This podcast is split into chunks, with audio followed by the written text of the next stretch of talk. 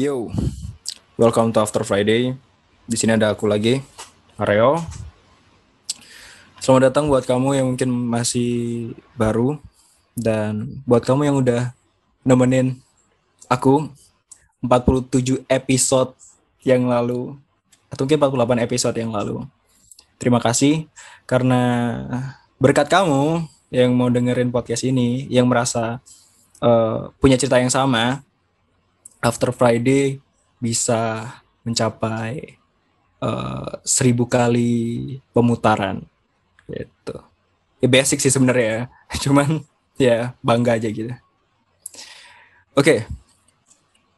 seperti biasa podcast ini bakal ngebahas semua hal tentang anak-anak 20-an lebih tepatnya kebodohan dan omong kosong yang sering kita lakukan itu. Tapi nggak jarang podcast ini uh, juga bicarain soal pengalaman anak-anak 20-an dari banyak sudut pandang gitu.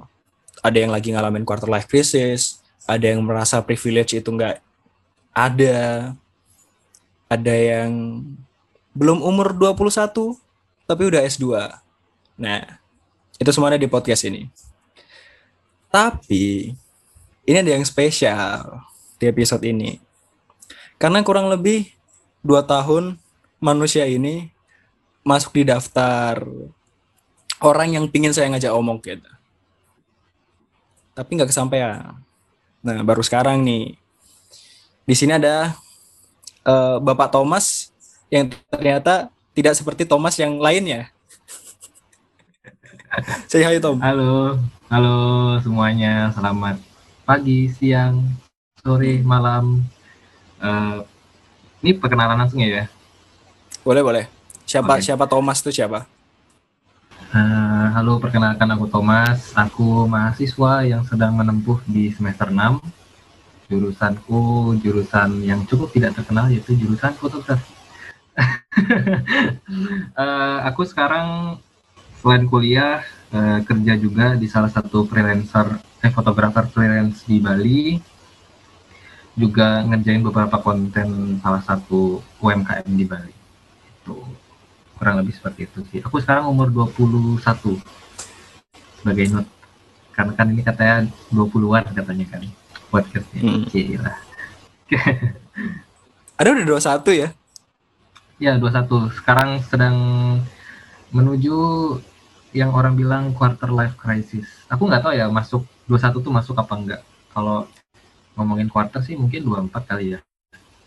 Quarter life crisis kan artinya uh, seperempat umur Anda lah kira-kira. Berarti kalau yeah. 21 ya mungkin umur Anda cuma sampai 84 atau kurang dari itu.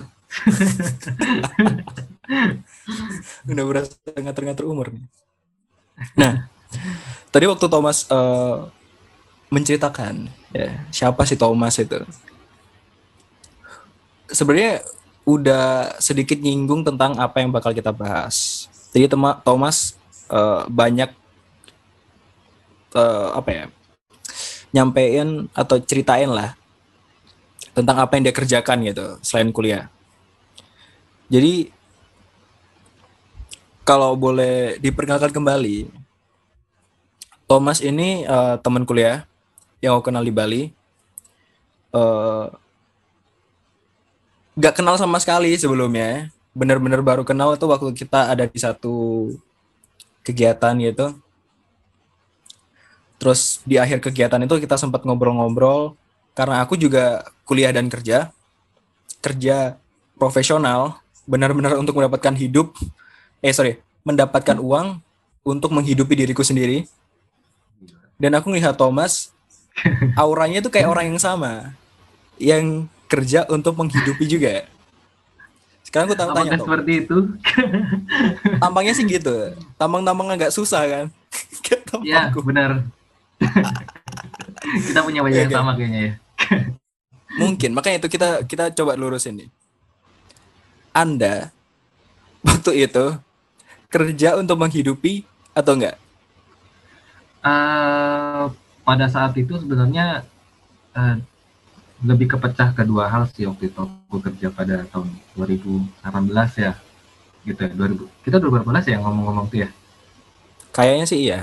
Ya, kurang lebih 2012 waktu itu kerja lebih karena apa? Karena keluargaku gak cukup nggak cukup apa ya nggak cukup mampu untuk support uh, passionku untuk beli alat-alat segala macam.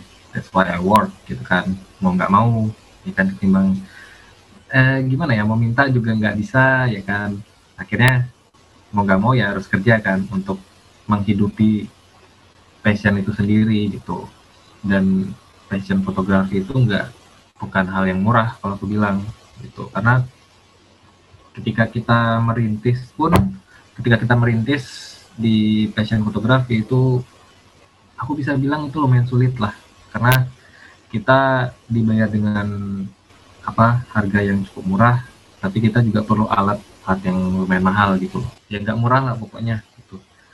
Uh, kurang lebih sih kayak gitu sekalian juga hidupin karena pada masa itu juga uang sakuku nggak terlalu banyak untuk bisa nongkrong untuk bisa uh, untuk bisa he, apa mengikuti gaya hidup masa muda gitulah nongkrong di tempat kopi gitu gitulah aku jarang banget waktu itu sih. Kurang kurang pergaulan di perkopian. Cooper kurang perkopian. Asik agak ya, paksa ya. Ya uh, lebih lebih banyak kerja untuk itu sih. Kebanyakan uangku di spend di buat beli alat-alat investment gitu-gitu sih. Nggak bukan ke bukan beli ke hal-hal yang buat nongkrong gitu sih kebanyakan uangku pada masa itu. Sampai sekarang sih kayak gitu. Cuma uh, mungkin karena aku lumayan dapet gaji yang lumayan ya sekarang. Jadi waktu awal-awal dapet gaji yang lumayan tuh ada sedikit pemborosan sih karena kan baru ngerasa gimana man orang baru pertama kali apa punya uang gitu ibaratnya ya terus benar benar benar uh, ibaratnya kayak I know how it feels ya apalagi ketika kamu punya orang-orang yang dekat sama kamu orang-orang yang kayak selalu kayak ngasih ke kamu terus di saat kamu mengasih mereka mau apa ya mau nyenengin mereka gitulah nah, dengan sesuatu kamu nggak bisa karena uh, apa ya bukan bukan karena bukan karena mau tapi emang karena nggak bisa karena pada pada masa itu uh, itu bukan hal yang apa uh, bisa kita lakukan gitu karena uang kita kepake buat yang lain kepake buat yang lain gitu dan pada akhirnya kita dapat uang yang bisa buat spending ke sana ya seneng lah. Jadi kalap juga waktu itu. Sempat kalap sih. Jadi itu kurang lebih uangku ngarahnya ke investment itu ke investment alat gitu gitu ya ya ya. Tapi ini jadi kayak apa ya? Mungkin teman-teman yang dengar sebagian besar kan juga perempuan nih ya. Mendengar Thomas bahwa ketika dapat gaji lebih mengetam, apa mengutamakan orang-orang lain itu apa tidak meleleh Anda? Waduh, jangan seperti itu, Pak Enggak, enggak. Aku suka part di mana uh, kita ingin membantu, tapi kita nggak bisa membantu gitu. Iya. Yeah. Ya kan?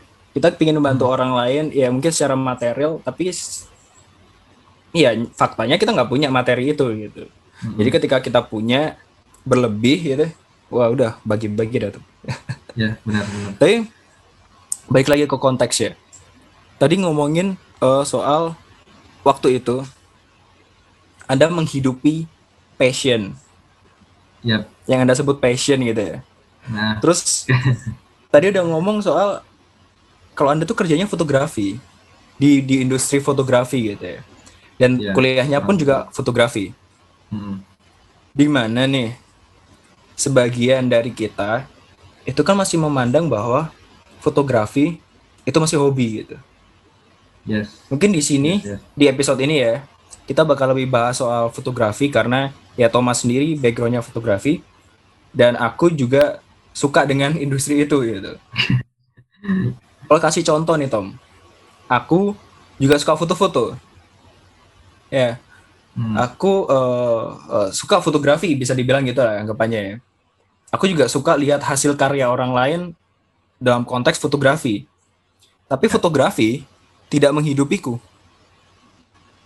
aku melakukan well. fotografi aku bikin ya jepret sana jepret sini gitu hunting yeah. di mana-mana hanya untuk menyenangkan uh, nafsuku ini gitu dalam memfoto sesuatu gitu. Oke. uh, Terus- kalau aku Menurut pandanganmu gimana tuh? Oh, kalau menurut pandanganku eh, gini sih. Jadi ibaratnya kayak masak sih. Aku pernah ingat Chef Renata pernah bilang gini di salah satu podcast. You can cook and you can work in the kitchen is different. Oke. Jadi kayak kamu bisa foto dan kamu bisa kerja untuk foto itu hal yang beda gitu. Dan eh, kalau masih kalau dalam pandanganku hobi dan passion itu eh, bedanya di menghasilkan apa enggak sih. Kalau hobi itu lebih ke spending, sedangkan kalau passion itu lebih menghasilkan gitu ibaratnya. Jadi hobi pun menurutku bisa jadi passion ketika hobi. Aku pun mulai dari hobi sebenarnya dari hobi foto. gitu. Jadi ketika kamu suka foto, terus dan itu jadi hobi, dan ketika kamu passion kan artinya hal yang apa ya? Kamu semangat menggelora di situlah ibaratnya. Jadi ketika kamu hobi dan ketika dari suka tiba-tiba punya punya inisiatif, punya sebuah eh, apa kemauan besar untuk meningkatkan kemampuanmu di situ, itu sudah jadi passion sebenarnya. Walaupun sebenarnya walaupun belum menghasilkan ya, tapi ketika udah ada feel oh aku nggak bisa nih terus-terusan gini dengan fotoku gitu. Terus kamu belajar spending uh, hour spending hours buat belajar tentang fotografi, tentang apa pun itu. Terus dari situ kamu merasa bisa menghasilkan uang dan menghasilkan uang dari hal, hal itu juga ya udah itu jadi passion gitu. Bedanya di spending dan making money aja sih. Kalau hobi lebih ke spending kayak hobi motor gitu. Hobi motor kan beli beli perintilan yang mas-masan mau knalpot knalpot segala macam itu terus kalau passion ya kamu jadi apa? Jadi I don't know jadi pengusaha apa? Pengusaha atau craftsman eh, perintilan motor mungkin? Seperti itulah kurang Custom lebih. builder gitu kali ya. ya custom builder gitu. Kurang lebih sih seperti itu. Hobi itu eh, hal yang apa bahasa tadi ya? Kita menghabiskan banyak materi ke dalamnya gitu ya. Hobi. ya untuk untuk sekedar kepuasan pribadi sih. Lebih ke kalau hobi kan ngilangin stres ya kayak kayak misalnya kamu stres gitu eh, capek jenuh habis kerja gitu. Kamu punya hobi misalnya nonton Netflix atau nonton Korean drama mungkin yang sekarang lagi vibes. Ya kayak gitu kamu menghilangkan stres dari itu. Sedangkan kalau eh, apa passion kamu itu jadi sebuah stres yang bikin kamu apa ya lebih lebih apa ke trigger gitulah untuk untuk lebih maksimalkan hal itu gitu Stres yang justru menyenangkan kali ya. ya stres yang produktif lah ibaratnya kalau orang-orang Aku sempet sih kerja. eh, dapat apa ya konsep kayak gitulah tentang eh, si passion itu. Jadi ketika hobi nggak akan bikin stres, ya kan? Sorry aku Hmm. lompat. Hobi nggak bakal bikin kita stres. Hobi itu justru kita bikin relief eh, semua kesetresan itu gitu Hmm, benar-benar semua hal yang menyenangkan itu adalah hobi. Oleh karena itu kita nggak pernah bosan. ya Nah. benar-benar Tapi ketika itu udah disebut passion, berarti hal itu kita udah selain suka melakukannya, ketika ada stres, ketika ada tekanan, kita justru eh, tertantang untuk menaklukkannya. yes Kita udah mencintai hal ini, suka dukanya, Gila. dan di sisi lain mungkin kita juga jago nih di bidang ini gitu mungkin kalau di di eh, kasusnya Thomas ya mungkin ntar ntar anda bisa ngelurusin kali ya. Cuman Ya. kalau di kasus anda mungkin nih awalnya suka. Coba-coba. Iya, coba video mawar dong. Awalnya suka. Ketika suka digul- digelutin belajar lebih banyak pasti. Eh, lebih cari celah dan sebagainya. Akhirnya lama-lama kamu jadi jago di hal itu gitu. Selain kamu Ya. mencintai kamu jago juga. Dan lama kelamaan kamu nggak merasa melakukan itu di bawah sebuah tekanan. Karena semua dilakukan dengan senang hati gitu ya. Iya, dengan penuh cinta Bener gak sih? Benar. nice ya jadi kurang lebih sih kayak gitu. Apalagi uh, apalagi dalam konteksnya kerja ya. Karena kan di kalau kita bahas nyinggung eh nyinggung pembahasan tanggung jawab tadi yang masalah kerja kerja sesuai passion tuh enak banget. Uh, dari yang aku perhatikan ya. Uh, itu enak banget sih. Jadi bayangin ketika kamu bangun pagi dan kamu excited oh misalnya kalau kamu kamu kan anak desain ya desain interior. Misalnya kamu bangun pagi terus uh, terus kamu bangun pagi terus kayak excited wah kerja apa lagi nih hari ini? Aku bisa keluar apa lagi hari ini? Enak kan? Maksudnya ketimbang kamu bangun pagi dan langsung ngeluh gitu loh kayak langsung komplain lah aduh kerja lagi nih di kantor lagi nih gitu gitu kan. Membosankan gitu. Apakah kamu mau menghidupi hidupmu eh sisa hidupmu dengan kondisi seperti itu gitu kan? Pertanyaan seperti itu untuk anak zaman sekarang. Apalagi quarter life crisis kan itu sih di mana kita mencoba banyak hal mempertanyakan semua hal gitu ya Iya, benar-benar. benar. Kalau dan kalau menurutku malah di umur eh, di umur quarter life crisis ini justru kayak jangan jangan puas nggak sih dengan apa ya apalagi kalau misalnya udah punya passion ya kayak langsung eh, kayaknya ini nih gitu. Kalau menurutku sih enggak kayak harus kita tuh harus gali-gali-gali terus gitu loh. Jadi ibaratnya kayak ini banyak makanan nih. Masa kita nyoba satu doang udah kayak oh ini enak nih nyaman nih.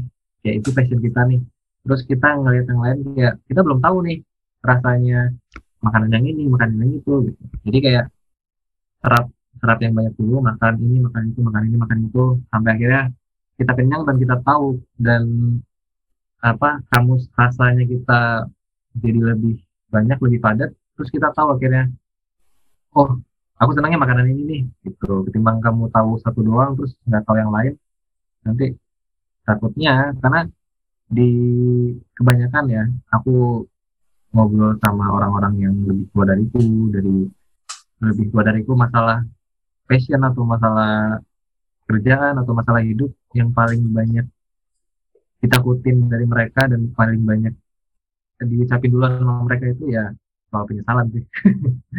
Kenapa ah aku bener kenapa aku di masa mudaku nggak nggak nggak banyak nyoba banyak hal gitu. Karena pada dasarnya anak muda seperti kita lebih takut atas apa yang kita telah kita lakukan. Eh enggak Eh, bentar, bentar. Eh, anak-anak muda tuh lebih apa lebih menyesal terhadap apa-apa yang telah mereka lakukan sedangkan orang tua itu menyesal telah atas apa yang tidak mereka lakukan gitu. Jadi Benar, benar, misalnya misalnya orang-orang tua nanti itu ya karena apa yang gak mereka lakuin sedangkan kita nih kan kebanyakan gagal nyesel gitu kan. Jadi penyesalannya ya karena apa yang udah kita lakukan bukan apa yang gak kita lakukan. Jadi semuanya pasti nyebut orang tua itu penyesalan penyesalan penyesalan. Jadi ya lebih baik nyoba banyak hal sih gitu kalau menurutku. Kalau kamu punya kamu kalau, kalau, kalau kalian cukup beruntung untuk mencoba banyak hal cobalah banyak hal di berbagai passion gitu. Kayak aku sekarang eh, aku juga karena pandemi ini sebenarnya gak gak cuma negatifnya doang sih. Aku dapat yang positif juga selama pandemi karena di rumah sempat aku akhirnya lebih banyak di HP kan dan aku explore. Ternyata masak tuh seru ya aku coba dari masak ke berkembang jadi oh bikin kue itu ternyata seru ya. Sampai akhirnya sekarang aku sih merasa aku uh, bikin kue itu sudah jadi passion gitu karena udah sempat nerima orderan gitu gitu lah lumayan wait Tom. gitu kayak wait wait wait wait wait. Anda mau masak? Yeah I do. I do cook. anda mau masak? Iya. Ya uh, short anda nggak mau itu eh, share nomor telepon atau apa gitu? Ampret makanya Tom. makanya ke Bali sini aku masakin Eh, orang pada short, iri pasti kenapa saya yang dimasakin short, short story ya. Sebenarnya sebenarnya uh, waktu awal pandemi itu aku mulai eksplor masakan kayak uh, masak ini masak itu gitu kayak uh, adalah semacam joy of feelings yang baru aku temuin di umur 20 20 kan 2020 ternyata masakin orang tuh asik banget. Dan kita dapat suatu apa ya macam kayak kenangan sendiri gitu loh. Uh, di situ sih. Dan juga uh, karena aku kan orangnya kalau aku bisa bilang sih aku tuh orangnya uh, result oriented gitu loh. Jadi kayak aku selalu berorientasi pada hasil hasil hasil hasil. Dan tidak terlalu memikirkan proses. Aku orangnya seperti ini. Jadi kayak mungkin cepet cepet cepet cepet aja gitu. Sedangkan di cook nggak bisa seperti itu. Apalagi di baking ya bikin kue itu nggak bisa cepet-cepet ada proses yang harus kita lewatin gitu kan. Kayak bikin roti itu harus ada fermentasi dulu kan nunggu ngembang gitu gitu. Gitu dan itu lagi ngajarin aku buat lebih menghargai proses sih gitu. Jadi aku menemukan passionku di umur 20 20 tahun. Passion tambahan gitu loh. Jadi ya who knows? Aku bakal who knows juga teman-teman yang lain yang lagi, lagi dengerin ini bakal nemuin passionnya juga di yang lain gitu. Atau mungkin punya akhirnya punya passion baru gitu. Ya menurutku umur 20 sampai 30 nih kayak momen kita lose everything kalau menurutku sih. Jadi kayak kita explore banyak hal kita explore passion kita kita tahu diri kita siapa. Lebih mengenal diri kita sendiri lah untuk for the rest of our life gitu menurutku si ya. Tom you make this conversation more interesting man seriously Oh, ya kurang lebih sih kayak gitu yo. Kamu sendiri udah nemu belum sih passionmu? Topiknya ini masih di Anda ya. Saya masih clueless ini. Kenapa Thomas? Kenapa saya nggak tahu Thomas bisa masak? Kalau gitu kan saya kosnya deket rumah Anda gitu loh. Atau saya kos di oh, rumah ya? Anda. Oh. Kita share satu room ya. boleh, boleh, boleh. Selama bisa dapat makan sih.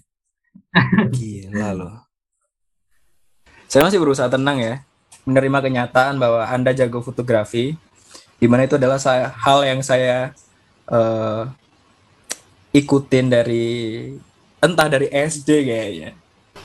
Gila. Dan sekarang Anda bisa masak, di mana saya juga suka hal itu, Tom. Anda punya dua hal yang saya nilai sebagai sebuah kesempurnaan. Ya. Gak sempurna juga sih, yo. ya enggak. Ya kan semua orang. Tapi gimana bisa gimana? bisa dari dari oke okay, fotografi ke sekian deh. Hmm. Aku udah nggak terlalu fokus sama itu gitu. Karena mungkin itu udah hal yang yang lama kamu gelutin gitu kan. Karena yeah.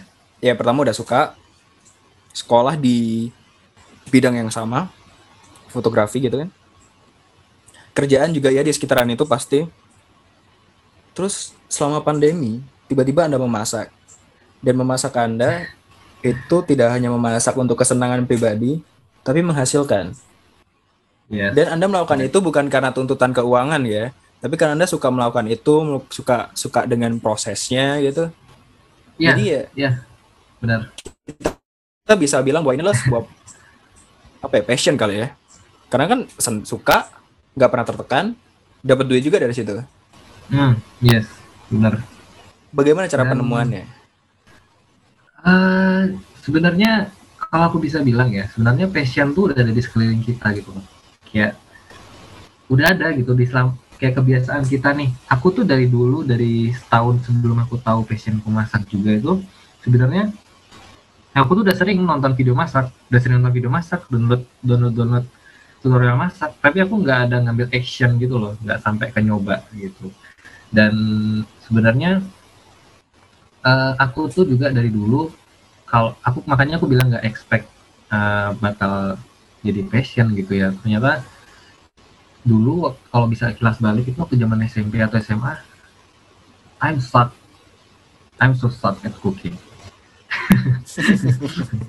Aku ingat dulu dulu kamu di SMA atau SMP pernah ada kayak kontes masak itu nggak yang per kelas gitu?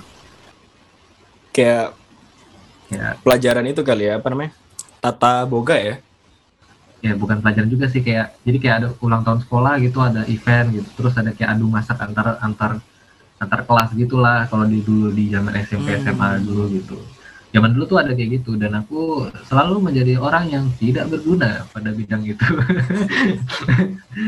dan ya aku selalu menghindari apalagi eh, apa ya sebenarnya dari cook kan berkembang ke baking aku dari cooking ke baking sampai akhirnya dari baking itu kan baking kan macam-macam ya kayak bikin apa pastry lah segala macam bikin cake. Tapi aku sekarang nyamannya di eh, bikin roti di bakery gitulah segala macam. Nah sebenarnya eh, aku dari dulu tuh I hate onion garlic shallots those kinds of stuff sih kan yang teman-temannya lah itu. Aku nggak nggak suka. Aku I hate them so much gitu kan. Tapi dalam cooking kan kita nggak bisa karena garlic itu sebenarnya eh, itu kan kayak eh, pembuat harum bikin masakan jadi lebih enak Mhm. ya. Dia kuncinya lah ya. Ya kunci hampir semua tuh ya ada garlicnya gitu hampir semua makan gitu kan. Apalagi Chinese food uh, udah gila itu garlic talk guys oh I like Chinese food.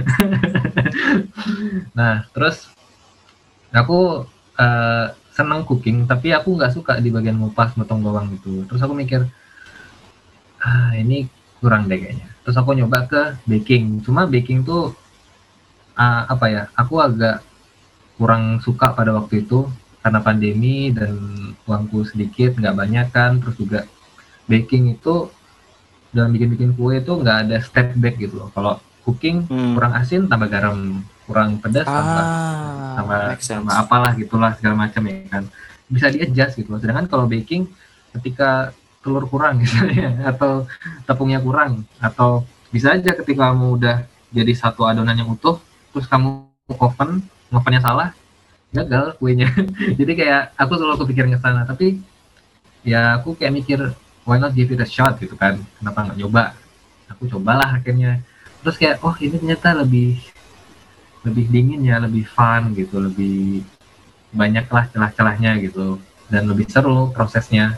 Apalagi kalau bikin roti itu kita nunggu ragi ngembang terus kayak kita kita nggak tahu hasil akhir. Kayak misalnya kamu sama aku sama-sama dikasih bahan yang sama adonan yang sama eh, resep yang sama bisa aja beda hasilnya antara kamu sama aku gitu loh. Ya itu funnya di situ sih menurutku. Dan eh, pertama kali dalam 21 tahun hidupku aku bangun tidur dengan keadaan kayak excited gitu loh. Bak- bikin apa lagi nih hari ini gitu. Kayak bangun pagi tuh kayak ya ketemu gitulah manis-manisnya gitu. Soalnya selama aku fotografi itu eh, aku bisa bilang itu passion memang cuma aku kurang menikmati sih kalau aku bisa bilang. Karena eh, industri kreatif itu lumayan kejam kalau bisa dibilang.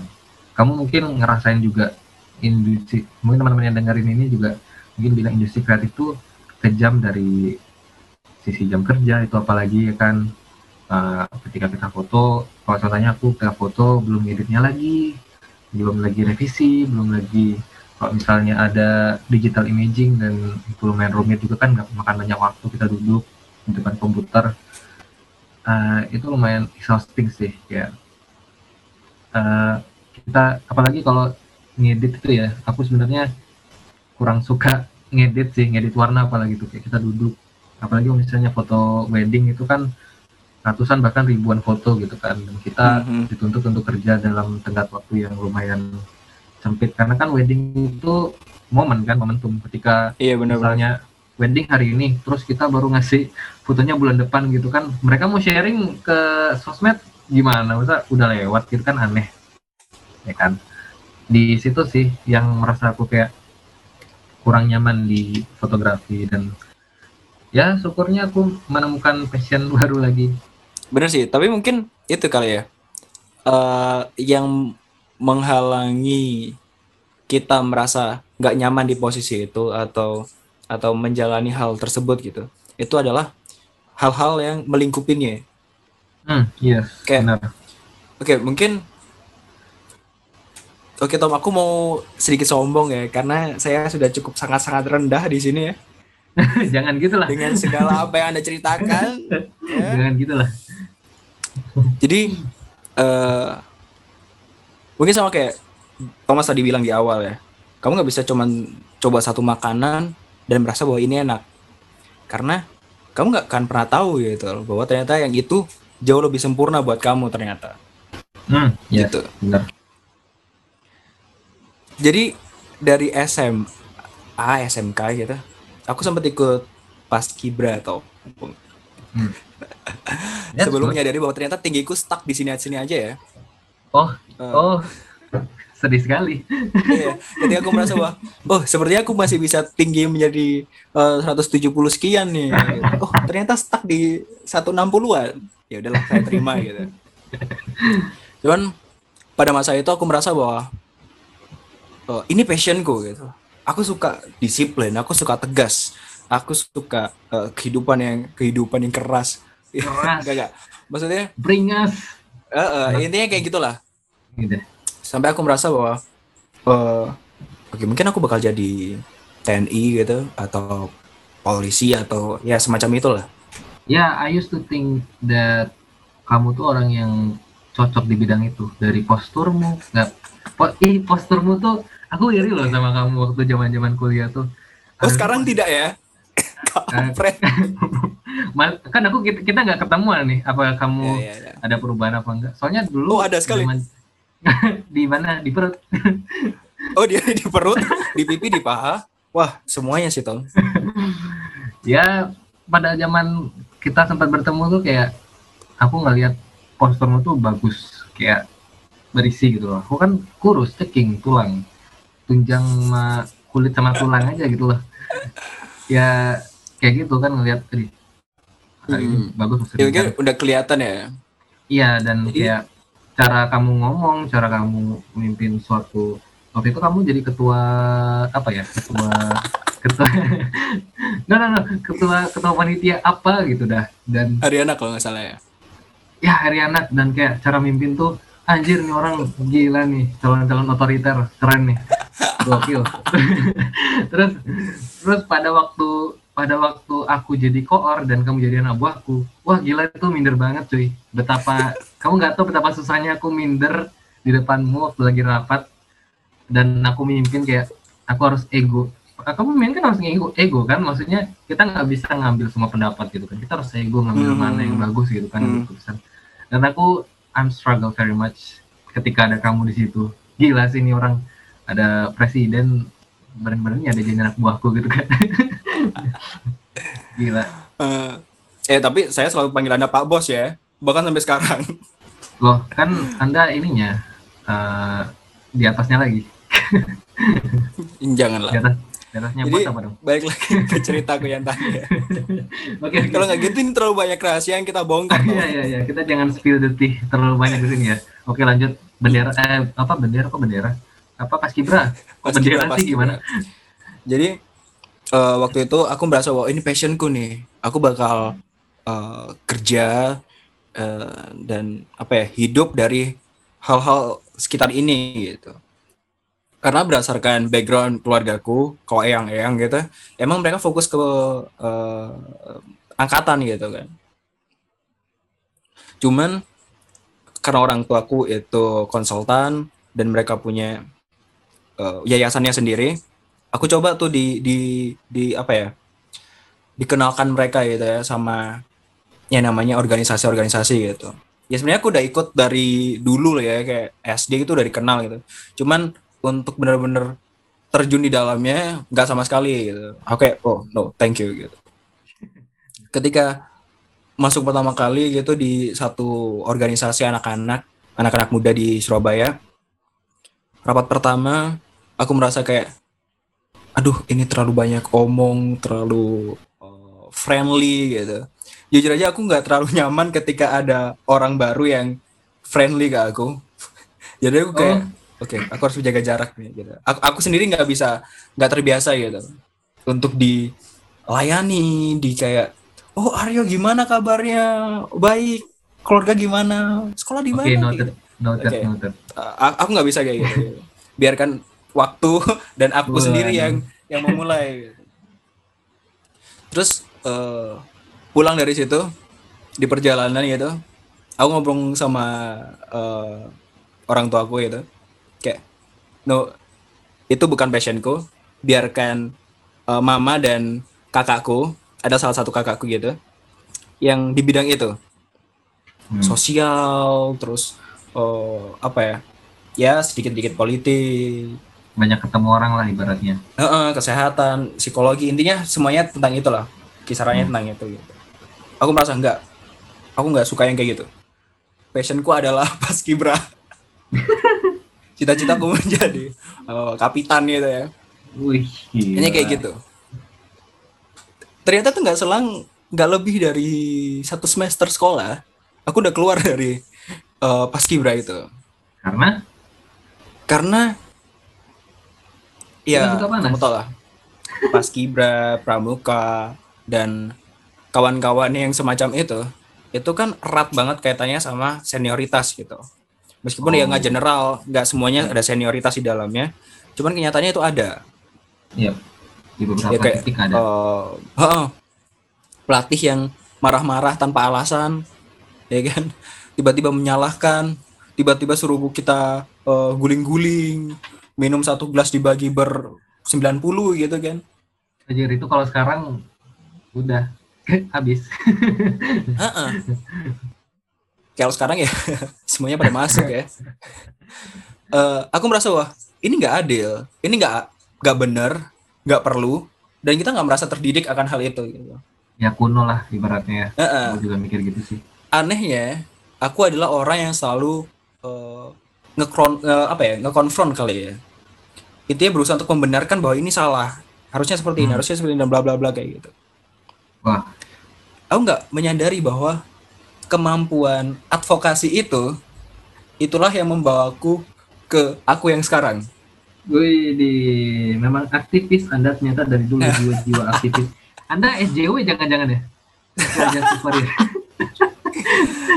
jadi pada akhirnya uh, setelah aku keluar dari situ aku akhirnya ya oke okay, nganggur nih ya coba ikut hmm. organisasi-organisasi itu. Ternyata uh, dapat peluang sampai akhirnya oke okay, jadi perwakilan Surabaya jadi perwakilan Jatim jadi perwakilan anak-anak dan sebagainya gitu. Ternyata aku uh, kemampuanku itu nggak cuma membahagiakan aku sendiri. Wih, ternyata ada orang-orang lain yang merasa terbantu dengan kemampuanku gitu loh.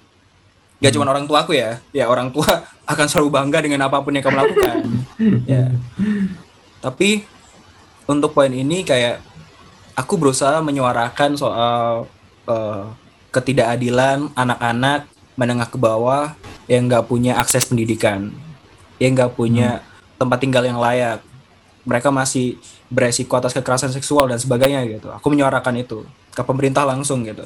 Ternyata banyak orang yang terbantu akan hal itu. Dan aku masih merasa bahwa ini bukan passionku ngomong di depan, oh, uh, apa ya, konfrontasi sama orang lain, menyampaikan membata, uh, pendapat, kritik, mencela ya kan. Aku masih masih bukan bakatku. Dan apa ya, berkumpul dengan orang-orang yang beda pemikiran aku masih merasa nggak nyaman itu loh Tom oleh karena itu waktu itu aku merasa bahwa fotografi adalah pelarianku gitu foto sebenarnya kalau ikut lomba terus dapat uang itu bisa dibilang passion gak? Uh, Sampah banget ya. Ya passionnya berarti mencari uang dari lomba. well, uh, 1000 banding satu lah ya. Iya, 1000 banding satu sih. Kayak ada juga kan orang yang passionnya di membuat bisnis. Ada. Hmm. Kalau kamu tahu Gary V, tahu? Ah ya. Yes. Dia kan passionnya di building Siapa bisnis. Siapa tahu dia gitu. Oke. Okay. ya kayaknya banyak sih nggak tahu. Next time kamu harus next time kayaknya kamu aku doain semoga bisa ngundang dia di podcast nih karena dia keren banget cuy. Iya, bener sih. Asli parah. Oke. Okay. Jangan fokus ke dia Oh, ini iya, fokus iya. sama ke Anda yang bisa masak ya. Loh, fokusnya ke kamu lah, ini kan belum selesai kamu. Jadi intinya uh, waktu itu fotografi jadi passion, jadi apa bukan passion, jadi hobi gitu. Jadi hobi uh, hunting, foto dan sebagainya gitu. Bahkan ada suatu lomba di mana fotoku sempat dianggap curang karena terlalu profesional dibanding peserta yang lain. Wah itu itu sih ini uh, dengki itu namanya. Iri iri itu iri. Jurinya iri ya. Kenapa kami hitamkan orang yang hebat gitu loh? Jadi sampai dokumen yang seharusnya dikirim itu sampai diminta yang asli. Sampai cek cek apa ya? Cek apa namanya perangkatku gitu. Bener nggak ini tanggalnya dan sebagainya, lokasinya gitu. Bahkan sampai ditanya yang bener-bener kayak yang kayak apa sih Tom? Aku kan ngefoto cuman ngefoto aja ya.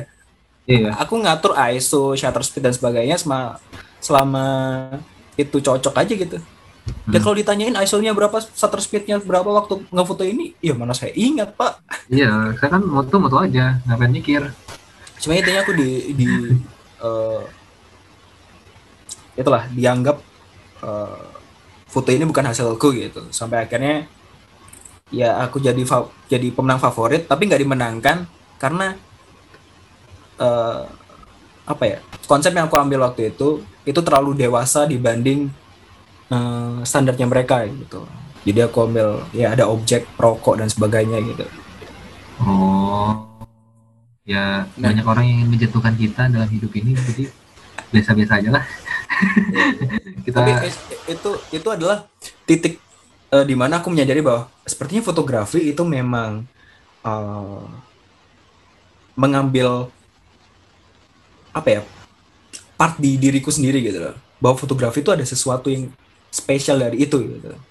Terlepas aku menghasilkan atau enggak gitu. Berarti jadi kayak lebih ke jadi ke kayak objek healingmu gitu ya? Kayak benar benar untuk bener. kepuasan pribadi lah gitu memuaskan bener. diri. Di sambil fotografi kan otomatis hunting jalan kaki kan? Yes. Jujur aja kalau ditanyain hobi hobiku apa? Adalah jalan kaki. Itu adalah hal yang paling sering aku lakukan ketika waktu luang. Oh, bener-bener yang kayak waktu luang gitu ya jalan 7 kilo 9 kilo 11 Wah. bener-bener yang sering itu gitu. Jadi aku bisa mengatakan bahwa jalan kaki adalah hobiku. Sembari melakukan hobi yang lain yaitu fotografi. Iya aku dengar kamu jalan kaki ke kampus waktu itu. Iya memang kan kosannya emang dekat ya? Lah bukannya waktu itu sempat jauh ya? Makanya aku ya, kayak kaget nih orang gila nih orang di jalan kaki yang lain naik motor. Bahkan temanku yang kosannya depan kampus itu naik motor ini orang jalan kaki. Sehat bener nih orang. Eh justru itu Tom. Waktu itu kan badanku proporsi. Oh ya sekarang sudah ini ya sekarang udah kasur. Ya udah jangan di spill dong itu. Saya juga ada kena soalnya di bagian itu. Lanjut. Terus waktu ke kampus akhirnya entah mungkin rasa-rasa jiwa-jiwa uh, organisasi ya. Anak-anak organisasi udah terlihat gitu. Akhirnya ya, ya join lagi organisasi belajar lagi advokasi dan sebagainya. Sampai aku merasa bahwa gini Tom. Ketika kamu dapat kepercayaan nih kan kamu juga udah pernah kan dapat kepercayaan untuk jadi ketua atau koordinator dan sebagainya gitu. Itu kan kita juga harus uh, punya strategi untuk menentukan siapa dapat pekerjaan apa. Ya yes. Kan? Ya, itu dan itu berat. Aku bisa hmm. bilang berat. ini yang aku merasa bahwa ini bukan kepedean atau gimana ya Tom ya. Cuman aku yeah. merasa ini kok aneh ya ya. Ada sesuatu nih di dalamnya gitu. Ketika aku lihat orang lain yang memimpin ya Tom ya. Kan kok ya kalian yang dengar podcast ini pasti tahu lah. Dalam satu organisasi pasti kan ada kan orang-orang yang oh ini dipercaya nih, ini pasti jago nih dan sebagainya gitu kan. Iya ya. Nah, ketika orang lain jadi ketua dan memberikan pekerjaan pada orang-orang yang dianggap terkenal itu, banyak pekerjaan yang bleset. Iya. Kayak nggak sesuai hmm. dengan ekspektasi si ketuanya gitu. Hmm. Tapi entah terjadi. kenapa, beberapa kali aku pegang program, aku selalu ngasih pekerjaan ke beberapa teman-teman yang dirasa sama orang lain gak kompatibel yang diem yang nggak pernah muncul tapi pada kenyataannya alasannya kenapa? aku menilai programku sendiri ya iya iya itu alasannya aku bahwa ini program yang berhasil gitu loh Tom hmm. oke okay. jadi aku merasa bahwa aku bisa menemukan orang yang tepat untuk pekerjaan yang tepat Hmm, tanpa harus uh, berkaca dari apa yang uh. apa sudah jadi pandangan orang-orang tentang orang ini orang itu gitu ya. Di mana itu jarang kan pada apa ya mesti gini itu adalah suatu hal yang susah gitu untuk seorang ketua menentukan orang mendapatkan tanggung jawab seperti apa gitu tapi yeah. selama sampai aku yang sekarang ya aku merasa aku bisa menemukan orang yang tepat untuk pekerjaan yang tepat meskipun orang itu dipandang buruk sama orang lain hmm. nah di situ akhirnya aku merasa kayak apakah jadi gini passion tuh nggak cuma soal industrinya ya kayak tadi kita ngomong fotografi terus iya iya nggak nggak nggak selalu sih nggak selalu nggak spesifik ke ke itu gitu. Tapi ya leadership juga passion gitu. Iya leadership masuk passion. Dan Jadi kamu bisa memimpin suatu uh, kelompok suatu usaha dan dan menjadi baik menjadi menghasilkan ya aku rasa itu jadi passion kamu gitu. Benar semua orang punya kemampuan untuk memimpin kan? Yes karena uh, satu lagi kita lupa bahwa di dalam passion itu ada bakat men. Jangan lupa itu. Benar. Benar itu sebenarnya udah ada di diri kita cuman masih belum kelihatan aja gitu. Yes dan ya lanjut lanjut. Sorry sorry, sorry. Ini, apa saya masih berusaha untuk menyombong biar anda yang merasa rendah. Wah. kita kan setara. Hmm. tapi ya organisasi ada masanya ya. Ada di mana kamu oh disanjung-sanjung oh Aryo Aryo. Oh Thomas Thomas gitu. Pada akhirnya ya akan ada orang-orang baru yang muncul dan ya mungkin lebih baik daripada kamu gitu. Jadi ya hmm. lupakan soal advokasi dan organisasi gitu ya. Hmm.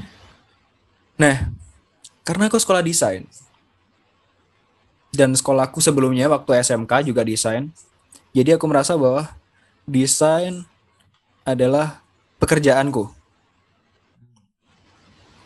Sampai saat ini, aku belum pernah merasa bahwa desain adalah passion. Karena aku okay, merasa okay. bahwa ini mungkin agak kontra ya. di mana fotografi di Thomas itu udah jadi passion. Di aku desain yang aku gelutin sekitar enam tahun terakhir, itu aku merasa bahwa itu bukan passionku ya aku dapat uang dari situ. Ya aku seneng ketika uh, hasil karyaku bagus. Ya aku seneng pada proses pengerjaannya. Tapi dari semua itu aku di dalam desain aku merasa masih ada di di apa ya kayak tempurung yang yang menekan aku gitu. Kayak kamu harus bisa kamu harus cepet lulus ya ya masa anak sekolah desain tiga tahun sekolah lagi empat tahun nggak jadi seorang desainer pada umumnya gitu kan jadi uh. desain tuh masih uh. masih masih kayak gitu di di di ceritaku ya sampai meskipun pada ceritanya aku banyak dapat uang banyak dapat ya perangkat perangkatku mungkin dapat apa ya duit dari itu dari desain bahkan sejak sebelum kuliah pun aku udah dapat duit dari situ gitu. Cuman mungkin pandemi bisa jadi titik dari semua hal kali ya. Iya sih Tom? Ya benar-benar. Kayak kalau umur-umur biasa mungkin kita mengalami pemikiran kayak gini sekitar 25 24 ke atas lah. Sedangkan kita karena pandemi dipaksa untuk punya uh, alternatif lain gitu ya secepat mungkin. Jadi kita ya berpikir dewasa lebih cepat gitu Nah, Benar. pandemi jadi titik di mana ada project paling besar yang pernah aku terima ya, yang apa ya, paling bagus buat portofolio gitu ya. Karena itu kita ngerjain kayak semacam apa ya, uh, apa sih bahasanya acara-acara fashion gitu loh Tom di salah satu mall di Bali gitu udah ketemu udah uh, ke lokasi langsung, udah ngobrol dan bla bla bla, tinggal ngomongin soal pembiayaan dan udah tiba-tiba pandemi datang begitu saja. Terus tiba-tiba acara di cancel gitu. Bahkan sampai sekarang udah nggak ada pemberitahuan. Setahun, setahun aku merasa bahwa aku benar-benar drop aku nggak punya hal yang aku suka untuk lakukan bahkan aku nggak punya hal yang aku lakukan dan aku bisa lakukan gitu ya kayak desain dan menghasilkan nggak ada satu tahun men men. satu tahun aku berasa menjadi eh, sampah-sampah gitu deh Oh, nggak sama juga lah. yang gila. bisa ih mesti gini loh aku merasa udah nggak ada siapa Aryo organisasi enggak waktumu udah selesai Oke. terus sebagai desainer project apa yang bisa aku dapat waktu pandemi nggak ada Hmm. jadi ya pandemi bikin bikin galau gitu loh nah tapi nggak gimana ya waktu pandemi juga aku akhirnya menyadari eh, salah satu hal yang ternyata benar-benar ada di sekitarku Apa tuh? sama kayak kata Thomas tadi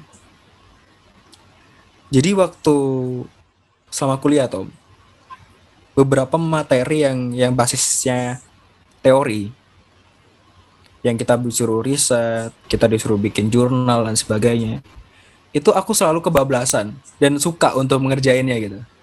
Di mana orang-orang lain membenci hal itu, tapi aku kayak, uh, kayak, uh, semua di pikiran ini keluar semua dalam bentuk tulisan gitu. aku suka dengan itu gitu. Dan dan beberapa pengajar gitu bilang kayak lo ya tulisannya memang bagus gitu loh. Bukan sombong ya sorry buat orang-orang yang denger podcast Bukan ini sombong, ini fakta, dan itu. Akhirnya mulailah aku nyoba bikin artikel untuk dipublish gitu. Hmm. Yang untuk uh, aku tahu itu, platform. Apa? yang beberapa waktu lalu kan, yang sempat di posting ya itu. iya. Jadi beberapa bikin beberapa gitu. Bikin bikin bikin. Terus ternyata dipublish. Seneng dong. Aplikasi Iya dong. eh sorry aplikasi lagi. Eh, artikel kita dipublish media besar gitu ya. Terus dapat view yang sampai kayak oh seribu dua ribu tiga ribu gitu. Siapa yang nggak seneng gitu kan akhirnya Iya langsung dong. buat lagi Dop- buat lagi buat lagi Dopamin itu, buat lagi. dopamin. apa Dopamin. apa ya min Dopamin, dopamin. Dopamin. oh dopamin ya ya ya Tahu kan? Dopamin. Hmm, Ya, benar-benar dopamin. jadi kayak justru ngecharge gitu kan oh Iya. capek ngeriset capek bikin tulisan view-nya dapet yang 100 view aja aku udah seneng banget gitu loh karena ada yang melihat tulisanku gitu kan dan bukan aku sendiri jadi eh nyoba lagi nyoba nyoba nyoba lagi sampai akhirnya pindah ke sini nggak pindah sih Eh, sementara tinggal di di Jakarta gitu kan aku masih nulis desain udah nggak sama sekali bener-bener nggak sama sekali Tom setahunan lebih ya berarti Are you gonna kecuali leave it kuliah forever? Are you gonna leave it? Bakal ditinggalin Kayaknya selamanya enggak sih. atau? justru itu ini ini ini bagian penting sih Oke, oke. Oke, Ini udah mulai menarik nih. ini hampir di akhir lebih tepatnya Oke. Nah, sampai akhirnya sekitar mungkin awal tahun kali ya. Beberapa artikelku akhirnya dikompil dan ternyata itu masuk syarat untuk jadi verified writer. Gila. Jadi ya sombong lah ya. Penulis terverifikasi gitu. Di IDN Times. Namanya kayak New York Times ya, jadi bisa agak sombong. Anjir, gila sih. Nah, akhirnya di situ. Entah karena apa gitu. Tapi ketika menulis itu aku semakin senang, semakin bahagia. Terlepas aku dapat uang atau enggak gitu.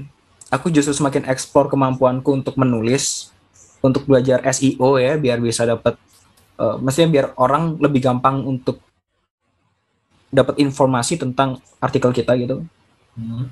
jadi aku kayak semakin membara untuk oh harus lebih bagus lah harus bagus lebih bagus gitu tapi masalahnya bukan bukan lebih bagus dari orang lain tapi bagaimana tulisanku lebih bagus dari tulisanku yang lain gitu Ya berperang sama diri sendiri kan jadinya. Bagus. bener Ah. itulah Kita kenapa kita bisa nggak- kita sebut passion yes kita nggak noleh sama siapa pun kita cuma noleh sama diri kita sendiri aja fokus. Bener gitu loh. Bener serunya sih. Dan di titik itu aku tahu apa yang aku mau lakukan dan uh, aku butuh untuk lakukan itu Gila. dan aku merasa Akhirnya orang menemukan. lain terpengaruh dengan apa yang aku lakukan. Ditambah lagi Tom. Ini benar-benar aku nggak tahu ya. Ini aku bisa bilang ini musisat sih aku magang di salah satu media eh, desain dan arsitektur itu menggabungkan dari apa yang aku pelajari dan apa yang aku senang untuk lakukan yang ya aku bisa bilang itu passionku. Aku bisa nulis di media desain dan arsitektur. Apa tidak seperti sweet spot. Sweet spot itu sih. Tapi ya sadar dulu guys. Itu satu tahun lebih saya menjadi bodoh. Menjadi sampah ya. Menjadi nggak tahu apa-apa sampai aku bisa menemukan apa yang harus aku lakukan dan apa yang aku mau ka- mau lakukan gitu. Keren sih. Apakah? Itu aku sih masih masih kayak merasa bahwa tahun ini adalah tahun yang penuh musisat sih. Benar aku juga merasa itu sih. Jadi kayak eh, mungkin untuk beberapa orang yang kurang beruntung ya mereka berkata seperti itulah kayak 2020 nggak bagus ini gini lah tapi aku di beberapa di beberapa sisi aku merasa 2020 tuh mujizat sih. Aku kenal aku kan mulai kerja sama freelancer itu tahun 2020 tahun 2020 mulai berkesempatan terus juga aku mulai explore juga beberapa hal yang baru. Jadi kayak aku merasa 2020 nih momennya kita kayak ngeliat karena kan kita udah mulai nggak terlalu sibuk dengan dunia dengan dunia apa ya dengan dunia yang biasa kita sibukin gitu loh. Kayak misalnya kampus kampus kan online terus juga kita kayak kerja kerja tuh udah uh, sementara hilang kan waktu itu waktu awal-awal. Hmm. terus jadi kita le- bisa lebih fokus untuk ngelihat ke diri kita itu loh kita nih maunya apa sih kita nih ya kasih kayak me time gitu lah ibaratnya kayak romantis romantisasi diri gitu. Kamu ini maunya apa sih? Kamu sukanya apa? Kamu mau jadi apa nanti ke depannya kira-kira kamu kalau eh, apa berkaca sama dirimu yang sekarang kamu puas nggak dengan ini? Apa kamu mau ada perubahan gitu? Jadi kayak romantisasi diri gitu sih menurutku. Enak dan kayak ya kayak kamu ngerasain sendiri kan. Jadi tahu ada passion baru ada akhirnya nemu nih sweet spotnya kayak suka writing suka desain juga. Dan juga sebenarnya kalau dari apa yang aku alami ya dari pengalamanku dan apa yang aku terapin juga di orang-orang sebenarnya eh, apa ya eh, bakat kita itu sebenarnya bisa dikembangin jadi sebuah passion gitu loh. bakat bakat bakat yang umum ya misalnya bakat yang umum misalnya kayak suka nulis gitu suka nulis nulis apa pun itu gitu misalnya suka bercerita dikembangin dari suka bercerita jadi ya mungkin eh, jadi penulis buku atau penulis buku-buku eh, cerita anak atau eh, mangaka gitu eh, bikin alur cerita manga gitu kan seru banget tuh. Terus juga kalau misalnya emang suka Hmm, hmm. eh, ketika suka nulis tapi tulisannya tuh bisa engage people bisa narik orang buat ngebaca atau tertarik sama apa yang kamu tulis bisa aja jadi copywriting gitu kan untuk jadi tim marketing. Bisa aja kan? Maksudnya itu bisa jadi passion gitu loh. Maksudnya bener dari hal yang basic tuh bisa dikembangin gitu loh. Jadi mungkin buat teman-teman yang nggak tahu sampai sekarang passionnya apa lihat aja dulu sekitar sekitar sekitar diri sendiri gitu. Senangnya apa? Kayak aku senang nonton masak terus akhirnya ah, apa senang masak gitu akhirnya. Terus dari baking aku kembangin lagi. Jadi kayak ah, jual-jualan lah ibaratnya gitu. Ya nggak mesti nggak mesti langkah besar sih. Kalau menurutku untuk untuk untuk apa ya untuk mengembangkan passion itu nggak mesti langkah kayak harus harus besar kayak harus misalnya nih aku suka baking terus aku pengen jualan aku langsung buka toko gitu. Pasti tertekan lah. Jadi kayak ambil small step saja dulu kayak eh, pelajaran ini satu-satu gitu. Jualan ke teman-teman dekat dulu sekitar tetangga lah. Atau siapa pun itu kayak kayak Arya juga kan nulis. Nggak nggak langsung kayak eh, apa nulis artikel 10 halaman terus langsung ke New York Times gitu kan kan enggak kan kayak mulai dulu dari apa yang apa yang kecil yang kecil tapi signifikan gitu kecil Hmm, tapi bener. konsisten sih nggak mesti angka besar dan signifikan Bener. gitu Itu. Small Gitu. steps. ya jadi passion bisa hidup dari situ sih gitu dan eh, apa ya dan kalau aku lihat sih tadi ada salah satu pertanda passion gitu dari ceritamu ya. Karena kan kamu bilang eh, kamu senang ngelakuin itu walaupun apa walaupun kamu nggak dapat uang. Dan itu benarnya passion gitu loh. Kamu tuh seneng sesuatu senang ngelakuin sesuatu tanpa kamu tuh dibayar tanpa harus dibayar gitu loh. Kalau kamu ngelakuin sesuatu misalnya nih eh, ngelakuin sesuatu misalnya aku foto terus kayak aku ngeluh aduh nggak dibayar. Nah itu udah lampu merah tuh pas- passionnya tuh. Dan kalau misalnya aku foto gitu kayak eh fotoin dong tolong ini gitu. Ya udah aku kayak pengen aja karena seneng gitu. Karena pada dasarnya emang seneng gitu. Ya itu passion gitu. Sedangkan kalau misalnya kita udah ngeluh kayak tadi kayak tadi kamu bilang lu eh, senang dapat duitnya senang sama prosesnya tapi apa eh, tertekan gitu karena Hmm, sesuatu gitu lah. Itu lampu kuning sih sebenarnya udah lampu kuning karena eh, ada juga passion yang bisa berubah jadi eh passion yang berubah feelnya karena karena uang ada ada kok Bener, bener. banyak banget kasus banyak banget kasus jadi kayak apalagi untuk orang-orang yang eh, dalam kondisi prasejahtera seperti seperti saya ini Saya juga pras saya katakan. iya. di mana kita kita tuh eh, aku nggak termasuk ya aku bukan orang yang seperti itu. Tapi ada beberapa temen yang aku tahu ng- seperti ini. Jadi dari passion emang suka tapi dia nggak bisa menghidupi eh, passionnya itu entah gajinya rendah entah dia finansial kuat lalu pada akhirnya dia dapat sebuah pekerjaan gitu, ikut orang mungkin dan dia dapat uang banyak dari situ. Terus kemakan kemakan kemakan tuh dimakan terus uangnya jadi kayak eh, hilang passionnya. Lama kelamaan ketika dia apa ketika terlepas dari pekerjaan itu ketika ada orang minta kayak minta foto untuk senang-senang aja dia nggak mau. Karena dia pikir ngapain aku kerja? Eh ngapain aku foto kan? Ah, orang aku nggak dapat bayaran. Nah bisa aja kan passion jadi kayak gitu. Banyak kasusnya cuy. Jadi kayak eh, karena sering sering apa ya sering termakan uang jadi kayak sebuah passion tuh jadi nggak berarti nggak lebih nggak lebih tinggi dari sebuah uang gitu. Loh ya Benar, harus balance sih menurutku. Ada kalanya kita me- apa memberi makan ke uang ada kalanya kita memberi makan ke passion gitu loh. Jadi kayak eh, nggak bisa nggak bisa dikasih makan terus nih yang buat apa uang uang uang terus gitu loh. kalau emang passion ya. Tapi kalau emang udah terus terusan kemakan uang terus kita udah kehilangan feel dan ngerasa kita udah nggak bisa ngelakuin itu untuk cuma-cuma doang kayak eh, udah nggak mau nih aku ngelakuin ini kalau nggak ada uangnya nggak ada duitnya nggak jalan. Kalau zaman dulu kan biasanya palu gak ada apa lu mau gua ada ais. Jadi kayak eh, value-nya sih udah hilang kalau kayak gitu. Jadi kayak nilai dari passionnya itu udah hilang sendiri karena uang. Ada kok orang-orang seperti itu. Jadi jangan merasa kalian apa kayak aneh gitu. Kok aku gini sih udah nemu passion tapi karena aku udah kerja terus eh, aku jadi kayak males gitu kalau nggak ngerjain kalau nggak dapat uang gitu. Ya itu Iya. udah lampu kuning sih menurutku. Nggak nggak. Maksudnya kalian bukan orang yang aneh. Emang ada orang seperti itu. Ada orang yang ngerasain juga. Itu sih. Cari aja yang lain. Seperti Aryo kan menemukan juga Tapi di titik itu, aku selalu merasa gini Tom. Eh, kamu tidak hidup. Gini gini. Banyak orang yang selalu bilang ya, itu hidupmu. Lakukan sesukamu gitu kan. Hmm. Coba itu itu kalau eh, gagal ya, itu kan kamu apa ya gimana ya?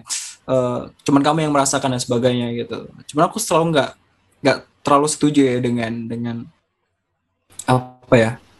eh, tang apa ya bahasanya? Pendapat itu gitu loh. Karena aku merasa kita nggak pernah hidup sendiri gitu. Ada orang Yes. lain yang hidup dari kita. waduh gila nih ini udah Kita ngomongin soal financial. nih. ngomongin soal finansial ya. Kalau Iya. ngomongin soal finansial ya jelas gitu kan kita ngasih material gitu. Cuman ada yang orang kecewa ketika kita mengambil keputusan yang salah gitu atau keputusan yang tidak mereka kehendaki gitu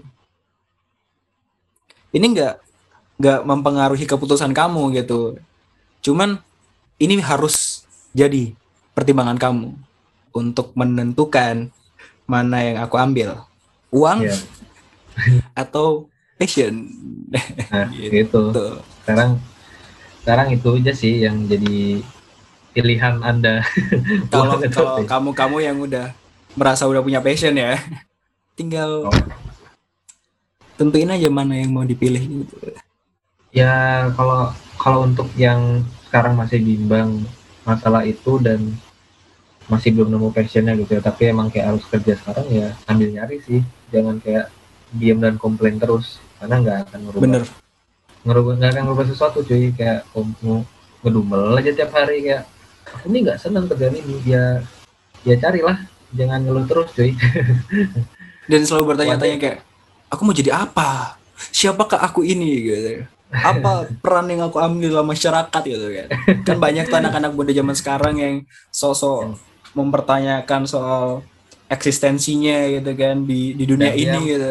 dan Padahal dan yang menyalahkan masyarakat gitu. loh ada. Iya benar dan menyalahkan masyarakat. Padahal situasi dan kondisi pada dasarnya hampir semua kamu yang dalam kendalimu Betul. gitu loh. Kamu benar. ya kamu benar, kamu mau gitu. apa ya struggle di situ gitu. Eh, berjuang lah gitu ibaratnya. Dan ketika aku selalu mikir sih mikir gini sih. Ketika kita berjuang sama sesuatu ya kayak eh, misalnya aku pengen jadi A gitu. Terus pengen jadi sesuatu yang A gitu. Terus kita ngejar A walaupun kita nggak dapat apa sih kita dapat yang B yang ternyata kita suka yang B gitu loh. Yang A nih oh ternyata nggak nggak yang A nih yang B aja deh mendingan gitu jadi kayak kita dapat sesuatu yang lebih valuable gitu ketimbang apa yang kita kejar ternyata. Gitu sih. Benar sekali. Dan- ya jangan jangan ini sih jangan nyalain masyarakat kayak eh, belum sekarang nggak jadi apa-apa terus kayak nyalain masyarakat. Dunia ini nggak adil ini apa orang-orangnya udah kerja aja nggak usah mikir apa apa kayak main gini loh kayak kayak kayak lomba 17-an gitu loh kita lomba masukin apa paku ke botol. Kan kita Hmm. fokus sama paku kita sendiri masa kita ngelihat yang lain kalaupun Hmm. orang lain maksudnya kita hidup nih nggak berlomba sama siapa pun gitu loh. Ya kan? Bener gak benar ya i ya kayak kalau kalau kamu merasa berlomba itu sebenarnya kamu berlomba pada dirimu sendiri ya kan? Iya. Orang lain aja nggak merasa terganggu kok dengan pencapaian kita iya dan kenapa kita harus terganggu dengan pencapaian mereka gitu? Dan 80% apa yang kita lakuin di dunia ini orang nggak nggak terlalu peduli gitu loh. Kayak ya kayak aku sih selama ini kayak selalu berpikir eh, hidup tuh ya kayak main lomba 17 kan kayak kamu fokus sama masukin paku ke botolmu sendiri gitu loh. Kalaupun orang lain udah masukin duluan ya masa kamu ngeliatin dia terus terlena kayak wah dia ternyata udah bisa masukinnya terus ya pakumu tuh belum nancep ke botol gitu loh. Belum masih ngambang. Yang lain tuh lagi Benar, berusaha benar, sama benar. fokus sendiri. Kamu fokus sama apa yang orang udah dapet gitu loh. Kayak ya kamu nggak akan menang- jadinya ya nggak masukin botol sama sekali. Walaupun kamu masukin botol terakhir tuh menurutku lebih baik daripada kamu pakunya tuh masih ngatung gitu loh. Nggak nggak jadi apa-apa. Paling nggak kamu keluar dari game itu gitu loh. Selesai dari game itu. Yang lain mah udah selesai. Kamu sendiri yang masih ngeliatin oh yang lain udah selesai aku, aku sendiri belum belum ini terus kamu nyalahin. Oh ternyata kakinya dia lebih pendek daripada aku. Ya pokoknya jangan nyalain orang lain sih. Ketika ada sesuatu terjadi sama diri kita ya salah. Paling nggak introspeksi dulu lah sama diri kita sendiri. Fokus fokus sama diri kita apa yang kita lakuin jangan terlalu terlena. Apalagi sosmed nih lumayan kejam-kejam ngeri-ngeri sedap lah kita ngeliat. Ya bayangin aja kamu bayangin dong susahnya. Anak zaman sekarang eh, ngadepin mental health gitu ya asik mental health. Kan ya zaman sekarang kan sul- sulit banget cuy. Apalagi contohnya kayak misalnya anak umur 27 tahun terus eh, nggak nggak punya pekerjaan ya belum bisa menghidupi terus kayak ya juga dia pun juga belum bisa menghidupi passion tersebut terus juga kayak hidup masih numpang sama keluarga lah segala macam ya pokoknya nggak enak-enak lah. Terus dia bisa dengan mudah ngelihat apa eh, anak usia 21 tahun 21 tahun misalnya kayak kamu bilang udah S2 terus kayak udah punya penghasilan tetap hidupnya stabil lah hidupnya enak-enak. Ya gampang sekali lah kayak kita untuk eh, apa ya eh ke distorsi pikiran kita ke sana. Oh ternyata kok aku masih segini-gini aja ya sedangkan dia udah udah udah sukses seperti itu gitu sih. Ya pokoknya kalau misalnya kita nggak bisa ngejaga diri, eh, ngejaga pikiran, ngejaga hati ya jatuhnya ya ke ngebandingin diri sendiri sama orang lain sih. Ketimbang diri sendiri hari ini sama kemarin tuh seperti apa gitu. Itu sih ya. Passion tuh eh, passion ataupun apa pun itu di hidup kita ya duelnya sama diri kita yang sebelumnya aja sih sama kamu sama kita yang sebelumnya. Karena bandingin diri kita sama orang lain tuh nggak ada habisnya. Yakin aku. Ya pasti terus lah. Habis ini apalagi habis ini apalagi. Terus aja sih. Nggak ada habisnya. Kita setuju banget. Mungkin aku mau kasih tahu ke teman-teman, ke kamu yang dengerin podcast ini, eh, dari Thomas udah banyak banget kita banyak belajar soal soal bagaimana kamu keluar dari zona nyaman, apa yang kamu cintai awalnya itu yang nggak selalu berakhir eh, sama gitu. Yang aku mau kasih tahu ke kamu, eh, coba deh kasih kesempatan ke kamu untuk explore yang lain. Coba kasih kesempatan ke kamu untuk untuk ada di bawah tekanan. Coba kasih kesempatan ke kamu untuk keluar dari zona nyamanmu gitu. Kita nggak pernah tahu bahwa ternyata apa yang kita takutkan itu adalah yang dikasih buat kita. Kita nggak pernah tahu bahwa Thomas ternyata masak gitu. Aku aku pun nggak pernah tahu bahwa ternyata aku nulis dan aku dapat uang lebih banyak dari nulis ketimbang dari sebuah desain gitu. Kita nggak pernah tahu. Jadi coba kasih kamu kesempatan ke dirimu sendiri untuk mencoba hal baru dan explore waktumu mumpung masih pandemi dan kamu masih sekolah online kan atau mungkin kamu masih kerja online eh ya nggak akan ada salahnya kok. Dan pada kenyataannya pun Thomas nih ya, dia fotografer gitu. Dia dulu waktu pertama kali aku tahu dia sering cerita soal eh dia mau jadi wedding eh, photographer gitu. Tapi kalau dilihat di akhir-akhir ini lebih banyak fotoin makanan, fotoin produk dan dan jujur aja ya, itu keren parah gitu. Aku merasa kayak oke kalau aku punya restoran siap, aku tahu siapa yang akan aku telepon gitu ya. terima kasih Dan aku pun ya, itu gitu. bagian dari proses sih Bener. bagian dari proses Dan aku pun begitu. Aku belajar desain, aku eh, belajar soal ya organisasi, advokasi dan sebagainya dan menulis. Eh, ternyata sekarang aku ada di media, di mana media ini adalah media desain interior, di mana aku bisa menulis, di mana aku bisa belajar fotografi. Tanpa sadar ternyata semua hal yang aku pelajarin dulu-dulu itu ada di satu tempat yang sama. Ya Who knows gitu. sweet spot Bener. Ya nggak itu juga sih bahasanya, Pak ya. anda jangan ke sana dong Oh mikirnya iya, sorry sorry. Kayak mau otak saya aja yang agak-agak menceng. That's it. Kalau kamu nyadarin ada suara yang berbeda di sini, audio ini emang agak berganti dari yang awalnya ya. ya Mungkin aku bakal taruh, kebudayaan Heeh. mungkin aku agak agak sedikit bakal lampirin eh, BTS dari podcast ini. Yang aku rasa aku terlalu nyaman dengan perbincangannya dan ya. Thank you Tom, thank you atas pemikiranmu, thank you atas ceritamu dan dengan senang Eh. hati aku juga senang sih. aku Bisa punya ngobrol sama pemimpin otoriter yang terkenal di kampus. Tai. aku jadi punya alasan aku jadi punya alasan untuk cepat balik ke Bali untuk minta anda kirim makanan ya untuk minta anda kirim makanan lagi ke ke saya maksudnya ya.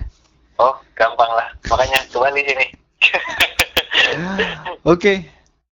Kalau mau kontakan sama Thomas mungkin kamu mau cari tahu lebih lanjut. Bisa nggak Tom? Akun Instagram Boleh. mungkin. Oh, Instagram boleh sih.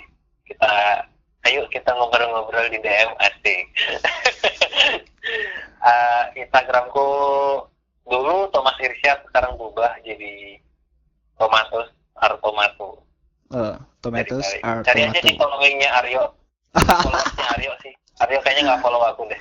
Eh, aja di followersnya Aryo. saya kayaknya follow sekitar dua atau tiga akun Anda, tolong.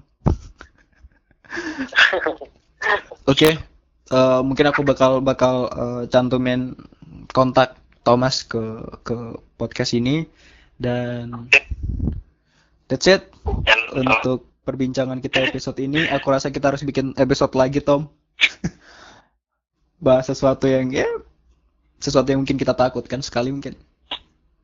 Dan ya Aquario, kalau kamu punya cerita-cerita tentang anak-anak 20-an, punya eh, keluh kesah dan sebagainya, kamu bisa ceritain cerita kamu anonim bebas di at underscore after Friday di podcast ini atau ke aku at yupram dan ya see you on the next after Friday ciao adios piu piu Tunggu bentar, habis ini BTS. Ntar. Oke. Eh, satu, dua, tiga.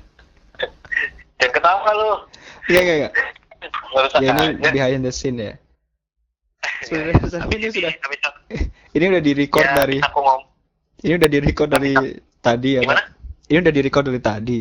Jadi aku cuma mau ngomong ke anda-anda yang mendengarkan podcast ini tiba-tiba audio yang berubah itu dikarenakan eh, sudah berkali-kali kita eh, berbagi link. Sepertinya eh, Zoom sudah muak dengan perbincangan kita. Dia pun sudah merasa Ya gampang lah. Eh, perbincangannya Ya, terlalu aku ngitung. berbobot. aku ngitung dulu nih satu dua tiga. Inti jangan menginterupsi. Ya satu, dua, tiga. Oh ya, ayo. Abis ini, ini jangan, eh, ini nggak masuk record ya. Ini abis ini aku ngomong langsung closing aja. Abis tutup nih. Iya. Bukan gitu. Ya, Iya. ya. Iya, Bos. Satu, dua. Jangan ditutup sih. Satu, dua, tiga. Oke. Ya,